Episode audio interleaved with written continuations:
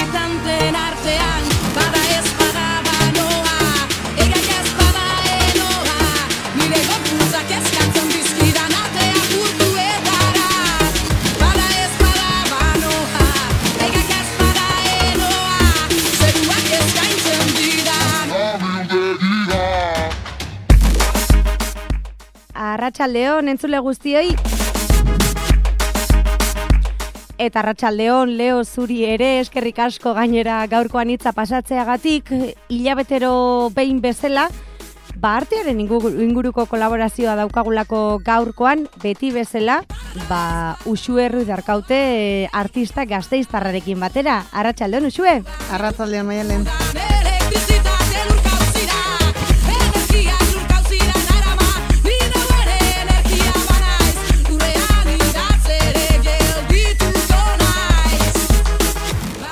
Eta esan dugu, arte kolaborazioa dugula gaurkoan, hilabetero bezala uxuerekin, eta ohituta gaude horrelaxe egiten dugula, edo egiten duzula gure artean behintzat, zebrabidean, ba, hilabetero, hilabetero artea eta beste kontzeptu batekin daukan, ba, esango dugu, ez dakit, e, elkar lotura, ez? Eta hoien inguruko proiektu batzuk ekartze dizkiguzula. Gaurkoan, artea eta feminismoak ekarri diguzu gai bezala, ez da? Hori da, bai. Ba hori da, bestetan bezala e, artea eta beste kontzeptu bat lotu ditugu, ba, Euskal Herrian ematen diren e, erakusketa hitzaldi argitalpen guztien artean, ba, aukerak eta erdi ordenatu bat burutzeko intentzioarekin. Igual ez horren beste artista hoien edo artearen etiketa bat sortzari begira, baizik eta saioa estrukturatzeko modu bat bezala, ez? Mhm.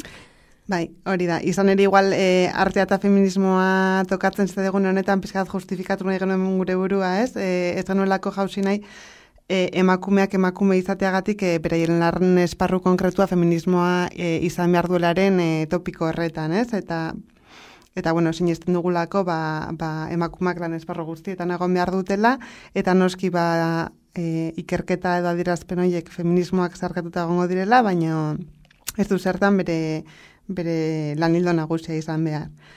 Eta, eta hori ze. Mhm.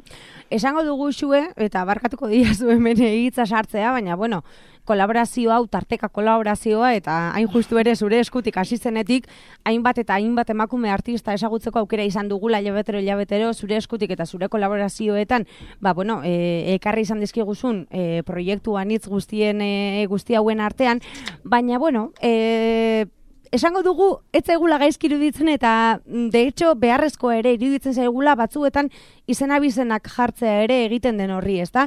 Eta emakumeak ekartzea ze, ekartzea zeharkakoa baldin bada ere feminismoa esango dugu zeharkakoa baldin bada ere, noizean hemen aldarrikapen hori mm, izen eta bizen ez egitea, e, e, kasu honetan arteak eta artea eta feminismoak e, izeneko, ba, bueno, kolaborazio oso bat edo sekzio oso bat egitea ere, ba, beharrezkoa ikusten dugula, ez? Bai, hori da, bai. Mm, aprobetxatu egingo dugu eta gainera, ba, bueno, e, ezin kejarik ezin dugu euki zeinen eskutik egiten dugun gaurko kolaborazio hau, hasi que zuri emango dizugu hitza, ondo iruditzen baldin bazaizu, gaurkoan dakarzuna kontatzen hasteko. Hori da. Bai, ba, pizka bat e, testinguruan sartzeko, ez? E, bueno, emakumeak artean beti egon dira, ez? E, munduan dauden bezala, artean ere e, pilo bat gauza egin dituzte, baina, bueno, badakigunez, e, aspalditik edo aintzinean behintzat, e, gizonezkoen edo euren bikote kiden izenpekin lanak sinatzen zituzten, edo eta milaka e, estrategia erabiltzen zituzten e, e, ikusgarritasuna irabazteko, edota ikusiak nahi e, izatea irabazteko, ez? Eta, bueno, ba hori da, aintzenetik emakumeen lanak, ez dira horren baloratuak izan esparru artistikoak gainontzeko esparruetan bezala, ba beti ere baloren eskala esleitzen zuten hoiek gizonezkoak zirelako, ez? Eta gustua eraiki duten hoiek e, gizonezkoak edota iruditeri heteropatriarkala izan delako. Orduan, ba, bueno, gero denbora pasatu ala igual emakumeak dan esparru asalariatuan e, sartu guztirenean eta espazio publikoan onarpena irabazten joan zirenean, ba, artearen munduan ere ikusgarritasuna irabazten joan ziren, eta bar. Baina, bueno, esan dezakegu dena den, e, gaur egunera lusatzen den logika, logika bat dela, ez, e, gainontzeko arloetan bezala, eta naiz eta gaur egun beste formatu biguin edo sotilago batzuetan pairatu, ba, violentzia logika berari jarraitzen diogula, ez? Eta eta eta hori ze eta honekin e, ekarne genuen bat estunguru honen barruan edo auzi honen barruan, ez?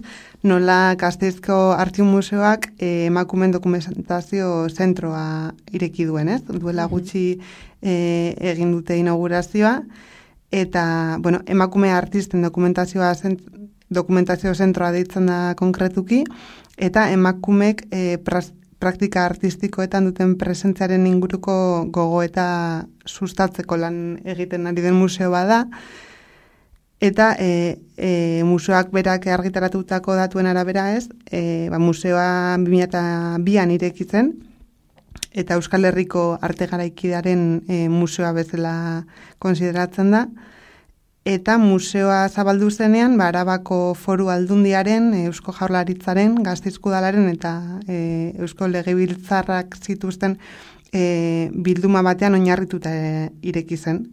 Gutxinaka joan dira e, lanak erosten, eta ba, museoak berak esan duen bezala, 2008an, 2008an e, artelan zituzten bilduman, eta soilik euneko hogeia e, gutxe gora bera zen e, emakumeena.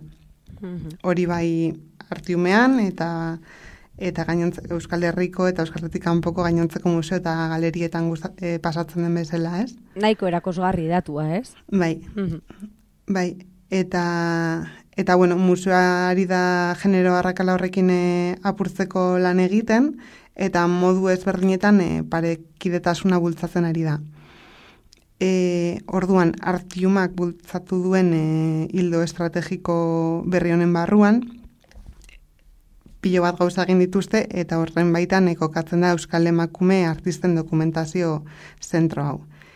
Zentro honen helburua, e, ba, hainbat belaunaldietako Euskal Emakume artisten e, ekoizpenaren babeslekua e, izatea da e, agian igual mugimendu feminista teoriak, praktikak e, eta artistak biltzea du helburu eta eta ba bertan egoteko, ez? E, artiuma ezagutzen dutenak, ba justo liburutegiaren parean dagoen gelatxo horretan sortu da eta ba baiturri bibliografikoak eta dokumentazioa biltzeko, kontserbatzeko eta edateko gune espezializatu bat bezala ireki dute. Mm.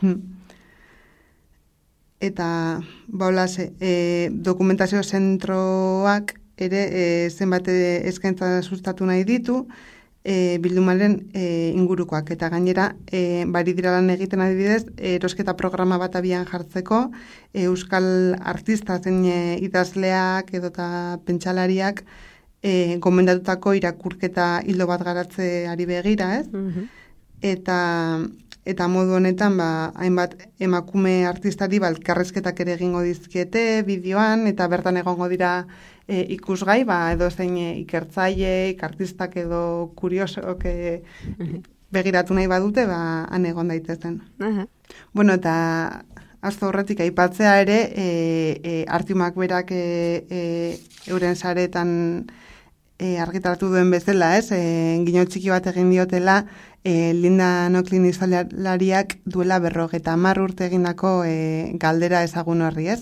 Zergatik ez da emakume artista handitik e, izan. E, bueno, Linda Noklin izalari oso famatua izan zen, da mila beratzen da irurogeta maikan, e, galdera bota zuen, e, ga, bueno, ikerketa e, askoren inguruan ez, eta, eta egia da artearen historian, ba, ba, momentu e, garrantzitsu bat izan dela, eta orain e, berrogeta mar urte bete direla e, momentu honetatik e, aipatzeare e, artiumean badagola ikusgai e, euren bildumaren e, irakusketa, erakusketa berri bat. Mm -hmm, Bueno, ba, ipamen hau egin da gero, eta artiumeko emakumeen dokumentazio zentro hau e, ezagututa gero, ezakitu zue beste zerbait komentatu nahi duzun honen inguruan egiten dizkiazun keinuen gati, behintzat? Bai, bai, astu, astu zaitez. Zuzeneko gauzak dira, bai, bai, bai. bota, Ba- bota. Hori, eske, e, hori, artiumak badu e, erakusketa hildo bat, e, esteru, ma, e, esteru bat amaika bide deitzen dena, Aha. Eta eta bueno, erakusketa ezberdinak egin dituzte e, txapel honen barruan, eta orain bigarren bidea irekiko dutela, osea, hau da, nik aurkezten nuen erakusketa, ez? Eta e, konkretuki ona ekarri nahi nuen erakusketa hau, ba, artearen e, pentsamendu feminista eta artearen arteko loturak oinarri dituen erakusketa badelako. Hori da. Bueno, ba, ipamen hau egin da gero, eta orain bai uste dugu artiumeko emakumeen dokumentazio zentroaren inguruan esan beharrekoak behintzat labur bilduz bada ere esan da gero, pasatuko gara gaurkoan ekarri diguzun bigarren eh, proiektu edo artista honetara, Daniela Ortiz, omen da, konta iguzu xue? Hori da, bai, de Daniela Ortiz, e, artista peruarra da, eta, bueno, gutxi gora bera urte bete betetzen da, e, e, bueno, artista honek mehatxua jasu zituela, e, e, esan zuelako, ba, bat egiten zuela e, Bartzelonako kolon estatuaren e, eraiztearekin. Eta, eta pizka bat eh, ona ekarri nahi nuen, ba, berak egiten duelako e, feminismo txuriaren inguruko kritika sakon bat, ez? Eta adibide bezala, ekarri nahi nuen e, 97 empleadas domesticas lana, e, 2008an egin zuena, eta proiektu honetan e, Danielak Peruko klase altuko familien Facebooketatik ateratako argazkien bidez proiektu bat sortzen du. E, bueno, berak ere aldarrikatzen du ez, e, nola artista guztiek ez daukaten e, tailer bat edo ez daukaten denbora pilo bat, ba kuadroak egiteko eta edo ez dakiz zer egiteko eta igual e, lanean sortzi orduz egon behar duen pertsona bat eta gero zaintza lanak eta ez dakiz zer, ba bere modutxoak bilatu behar dituela bere artelanak sortzeko eta berari Adibidez, ba, ordenagailuan eh, eskuratu dezaken edo zein elementurekin lan egiteak, ba, albideratzen ziola e, proiektuak sortzen, ez? Eta horregatik, ba, bueno, mm, lan hau konkretuki Facebook erabiliz e, sortu zuen eta besteak beste modu ezberdinetan, ba- baina beti e, paberak izan duen moduan edo beste asko kaldugun moduan ere egiten dugula, ez? Mhm. Eta orduan e, oso interesgarria da berak e, e, pizka bat errepresentazioaren kritika burutzen duelako, ez? E, eta proiektu honetan, 97 empleadas domesticas proiektu honetan, biltzen ditu, e, hori, peruko familia aberatzen argazki batzuk. Eta beti agertzen dira e, e, etxeko langileak atzean, ez? Orduan, berak esaten duena eta nahiko interesgarria dena, da, berak ez duela bilatzen e, atzean dauden emakume arrasalizatu eta langile horiek e, lehen planora ekartzea, baizik eta berak lehen planoan e, jarri nahi duena dela ema, e, familia beratzoiek, ez? Askotan eta berak e, da, e, berari entzundakoaren arabera, ez, e, adibide bezala jartzen zuen, ba, krisi, e, e, krisi migratorioa, nola beti e, kasetaritzan e, irudikatzen den ba, ba, sujetu arrazilizatu hori ba, sufrimendu egora batean Mhm. edo eta violentzia egora batean Bai. eta nola gure iruditeria azkenean e, irudiek normalizatzen hasten den. Hori da, eta eta zergatik ez ditugun lehen planoan jartzen edo e, irudi normalizatu bezala jartzen e, krisien edo violentzien e, erresponsableak diren pertsona joiek. Mhm. Ba, usue, e, uste dut, e, aurrera egin aurreti badaukazula adibide fisikoago bat esango dut. Bai, fizikoa bada, ekarri dugulako e, Daniela Ortizen audio bat, entzulei jartzeko, ba, berak asko sobeto kontatzen duelako, e, berak egindako lan bat, e, lana da, lanaren izena da, e, ez de puta madre ser mujer, eta, eta berak azalduta jarriko dugu. Ba, entzuko dugu. Participé en un festival feminista, ¿no? Y mi propuesta fue escribir en un muro esta frase, ¿no? Es de puta madre ser mujer, que contiene la noción de puta y de madre, digamos, los dos extremos dentro de los cuales se ve la mujer, ¿no? La mujer, esta mujer eh, siempre como uni, o sea, que no tiene racialización ni clase social ni nada, ¿no? Entonces, en el proceso que yo estaba trabajando en el festival, me di cuenta que el grupo que estaba organizando el festival y que participaba en el festival era un, un grupo absolutamente homogéneo de mujeres blancas, de clase media, españolas, que tienen una experiencia que luego a través del feminismo blanco se trata de universalizar a todo el resto de mujeres que no vivimos ese tipo, la misma experiencia que ellas en cuanto al género, en cuanto al racismo, etcétera. Y este, entonces lo que hice fue, porque a las que organizaban el festival les gustó mucho la frase, lógicamente, porque solamente se refería a un imaginario que ellas manejaban, y quisieron hacer todas las eh, los carteles y las, eh, la difusión del festival con la frase.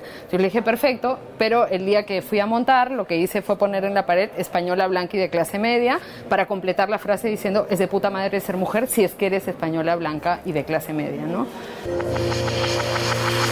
Bueno, ba, hauexek, eh, Daniela Ortizen eh, hitzak eh, zer pentsatu ematen dutena gainera ez dauzue. Hori da, bai. Ba, honekin amaituko dugu, e, ba, bueno, ekarretako artista honen lanaren edo lan batzuen behintzat errepasoa, urrengo adibide edo urrengo proiektu batera pasatzeko, eta injustu ere, ba, bueno, arabarroi, ilusio berezia esango dugu egiten digula, ez da? E, hementxe, bueno, gu izen gaude, eta hementxe etxe ondo lagoaz, aieraldeara goaz, Hori da. ba, hain justu ere, e, esango dugu, egun gutxi barru, e, inauguratu den aieraldea ekintzen faktoria, ekarri diguzulako adibide bezala. Bai, e, hogei egun barru konkretuki, lengo egunean irakurri dut. Hori da. Ba, aiaraldea ekintzen faktoria, e, Euskal komunitatearen alduntzea du helburu nagusia, ez? Eta laudioko industrialdean e, berritu duten espazio beatean sortuko da, maiatzaren amabostean irekiko da, eta behark arkitektura estudioak edo behar, ez dakit nola esaten, arkitektura estudioak e, diseinatu duen proiektu bada, e, interneten e, begiratzen baduzue kreston leku polita da, erosoa, eta bai, eta ba, pizka bat polivalentea, ez? Esango dugu zue asteburu honetan e, e, aurre inaugurazio antzeko bat egin dutela atzo. eta a, e, bon, bai, atzo doren dela pare bat eguntxo e, izan dela eta eman digula aukera gainera e, ikusteko behintzat e, argazki, argazki bidez bada ere gazteiztik ezin gara irten kasu honetan, baina argazkiz bada ere ikusteko pixka bat zer den, ez? Montatu duten sarao handi hori. Hori da, eta hori Instagramen, ze, hori atzo preinaugurazioa izan zen horretan, Hori anari egon zen izarekin batera, Bai. Mm. eta Instagramen, e, bueno, nik bintzat Instagram, baina suposatzen dut beste sare batzuetan ere, Bai, bai. e, ikusgai egongo direla, ba, espazioaren pistak eta arkitekturak eta horrelakoak oso leku polita da. Eta, ba, hori da, Euskara dauka hildo nagusietako bat, eta Euskarak e, tresna berriak behar dituelaren sinespen horretan, ba, egoi, egoitza sozial edo e, kultural bat bihurtu dute, hori, e, laudioko industrialdean berrizu duten espazio hau.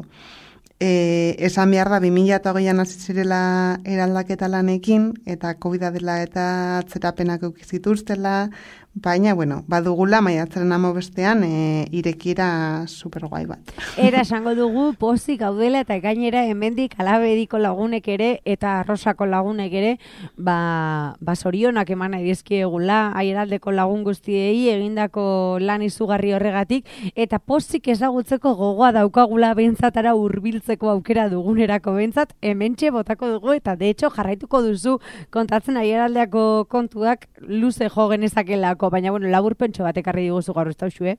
Hori da, labur- laburpen txiki bat, ara joan gaitezkenerako, ba, bueno, bero-bero topatuko dugu. Hori da. Eta ona joango gara ekartzen bertan egite dituzten gauzatxoak, eta hola. Eta bueno, ba, e, aiaraldea komunitate proiektua eskualde osoan garatzeko tresna integral bat bezala ulertu dute, eta emakumearen alduntzea eta ikusgarritasuna ere sustatuko duen dituenez, e, jarduera pilo bat egingo dituztela, eta eskualdean feminismoa lantzeko e, azpiegitura ireki badela aldarrikatu dute, eta ba, era berean e, aiaraldean e, bizi dene aberastasun kulturaren atarpeta islada izan nahi dutela. Eta, bueno, ba, parte saretan ikusi dugun bezala, bizitzeko faktoria bat ez dela definitzen zuten, amesteko faktoria bat, elkartzeko faktoria bat, kulturarako faktoria da, feminismorako e, eta komunikaziorako eskuntzarako faktoria bat izango dela. Mhm. Uxu, egingo dugu propaganda pizkatxo bat e, datozen egunetan, datozen asteetan dauzkaten deialdiekin. Bai, mesedez. Bota, bota. Ba, hori maiatzaren amabostean, irekieran e, Ruper Ordorika eukiko dute, eta maseian kainakai. Mhm. Bueno, ba, zer ospatua badago, e, aieraldean eta baita araba osoan ere esango dugu, beraz, hortxe dialdiak mugitu daitezkenentzako, besteentzako, ba, bueno, pues, e, ez dakit, aste batzu barru, espero dugu e, ezagutzeko aukera izatea. Hemen txe, e, aieraldea ekintzen faktoria beste proiektu bezala, baina jarraituko dugu aurrera usue, beste gehiago ere karri dizkiguzulako, eta hurrengo hausue hemen izenekoa omen da.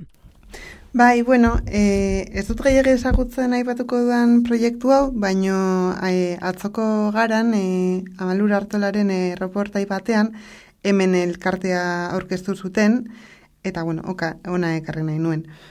E, elkarte hau, e, zineman eta artestenikoetan dabiltzan emakumeak, e, euren kide gizonezkoak, baino aukera bastante gutxiago e, izan dituztelako eta ez, dizkira, ez di- direlako agian e, erakusleio berberater, berberetara iristen e, sortu dute, ez? Mm amorru horretatik. Eta estenikoen munduko emakume profesionalak dira e, hemen elkartea osatzen duten berronda berrogeta mar bazkideak. Eta, ba, bueno, ba, pizka bat beirazko sabai hori hausteko lanean daude, Aha. Eta partaideak ba, e, oso anitzak dira antzesleak, ekoizleak daude, eremu akademikoan ere dabiltzanak, zinema zuzendariak, gido egile- gido egileak, argazkilari argazkilariak, argazki zuzendariak eta, eta denetarik, bueno, esteniko Denetarik, bai, bai. estenikoak barni biltzen dituen e, hori, arlo guzti hoien, hoietako emakumeak, ez? Eta, bueno, euren metodologia pizka bat e, perspektiba trukatze, trukatzea da, ez? Eta batzen dira pizkatitza egiteko, eta euren esperientzak partekatzeko, eta partekatze horretatik ide- identifikatzen dituzte gerora, ba, egingo edo emango dituzten pausoak. Eta, ba, bueno, reportai honetan e, irakurri dudanez, e, bi zutoin e, e, erditu dira elkarlan horretatik, e, batetik e, aliz izenekoa eta beste bat e, aukera izenekoa. Eskatuko dizugu horretan sakontzeko, mesedez. Aliz eta aukera. Hori da, hori da. bai. E, ba, aliz, e, e, aliz zutoin hau, e, aliz e, gai plantze zinema gile, zinema gileari sor zaion izema da, emakume honek e, eun film baino gehiagoen egin omen zituelako, ez? Eta ez da bat ere ezaguna zinemaren munduan. Eta beraz, ba, hemen elkarteak e, hori inoiz gehiago ez pasatzeko e, lan egin nahi du, Eta adibide bezala, ba, ba, egiten dituzten gauza ezberdinak agertzen ziren, ez? Datuen bilketa, ikerketa sakonak egitea, e, legetan eragitea, langileen datu baseak sortzea. De hecho, uste dut jartzen zuela, ez? E, antzeslan langileen datu basea sortze horretan e, nahiko aintzindari direla. Eta euren hitzetan, ez, esaten zuten bezala, iraultza hori feminismotik emango da, edo ez da emango. Eta epe, mu- epe muga bezala jarri dutela 2000 eta hogeita laua ba, mai gaineratu dituzten proiektu pare bat amaitzeko, ez?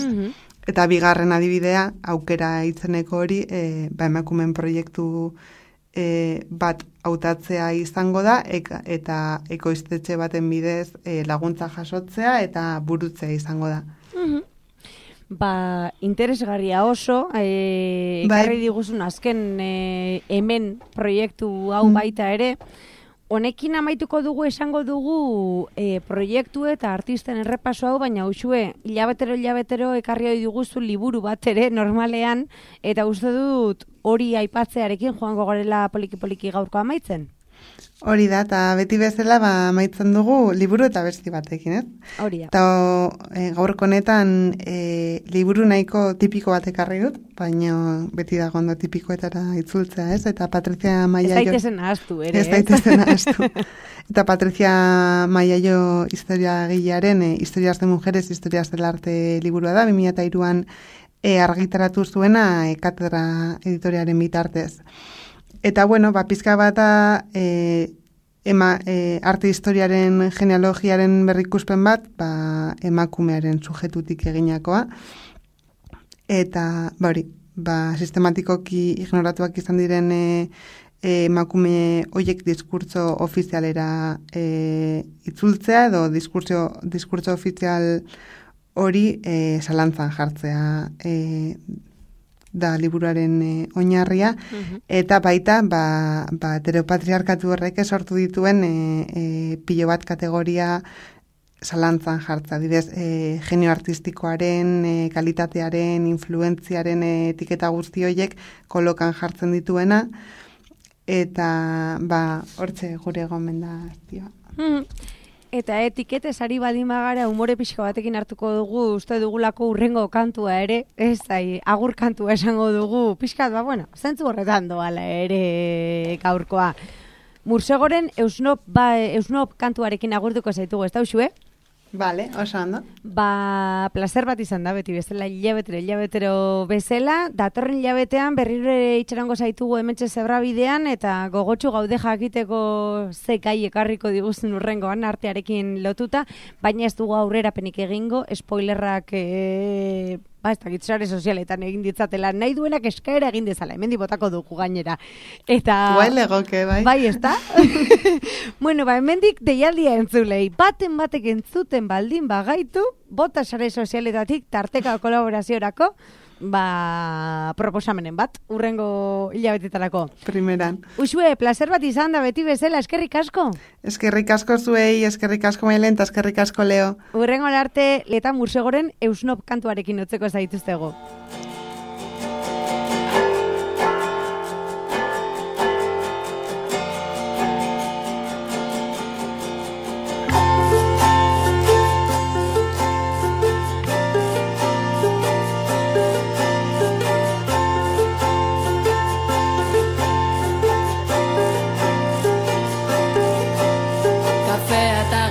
gaietak ezagutu zintudan kokoskak nikoren Desertxor pintxatu zuen egun hartan Garrelen filmografia osoa Buru zaipatu zenidan Zure herriko zineklubean. Nahi inguruak idatzen zenituela Nobelbak eta zinema japoniarrean aditua. Fritz Lam, Trufotati duraz barda Visconti Houston. Kaurismak ikiarosta mikusturik akaua sekuro saua kinkidu onkarguai Jarnus Buñuel, Valdelomar Rosales iriarte la costa eta jordaren mirezlea Zu euskal intelektuala Homo sapiens kontzeptuala Erekietan bere ala Konturatu ginen eusno bat zinela. Musikazale amorratua Soziologian doktoratua Makrobiotikan aditua Artista frustratua. Liburu jale asezina Zaiakera filosofikoen irakurle fina Zutabe gile geldi ezina Logosferako gatzeta pipermina Berria argiarrok de luz eta ruta 66 zen arpideduna Carne cruda, el séptimo vicio Lizardiren baratzaren entzulea. Zabaleta Okari Rozas Rodríguez Aiz Pajeletonen zale xutsua Alpar Soreskota dozizek delez lakanen jarraitzaile petoa Zu euskal intelektuala Homo sapiens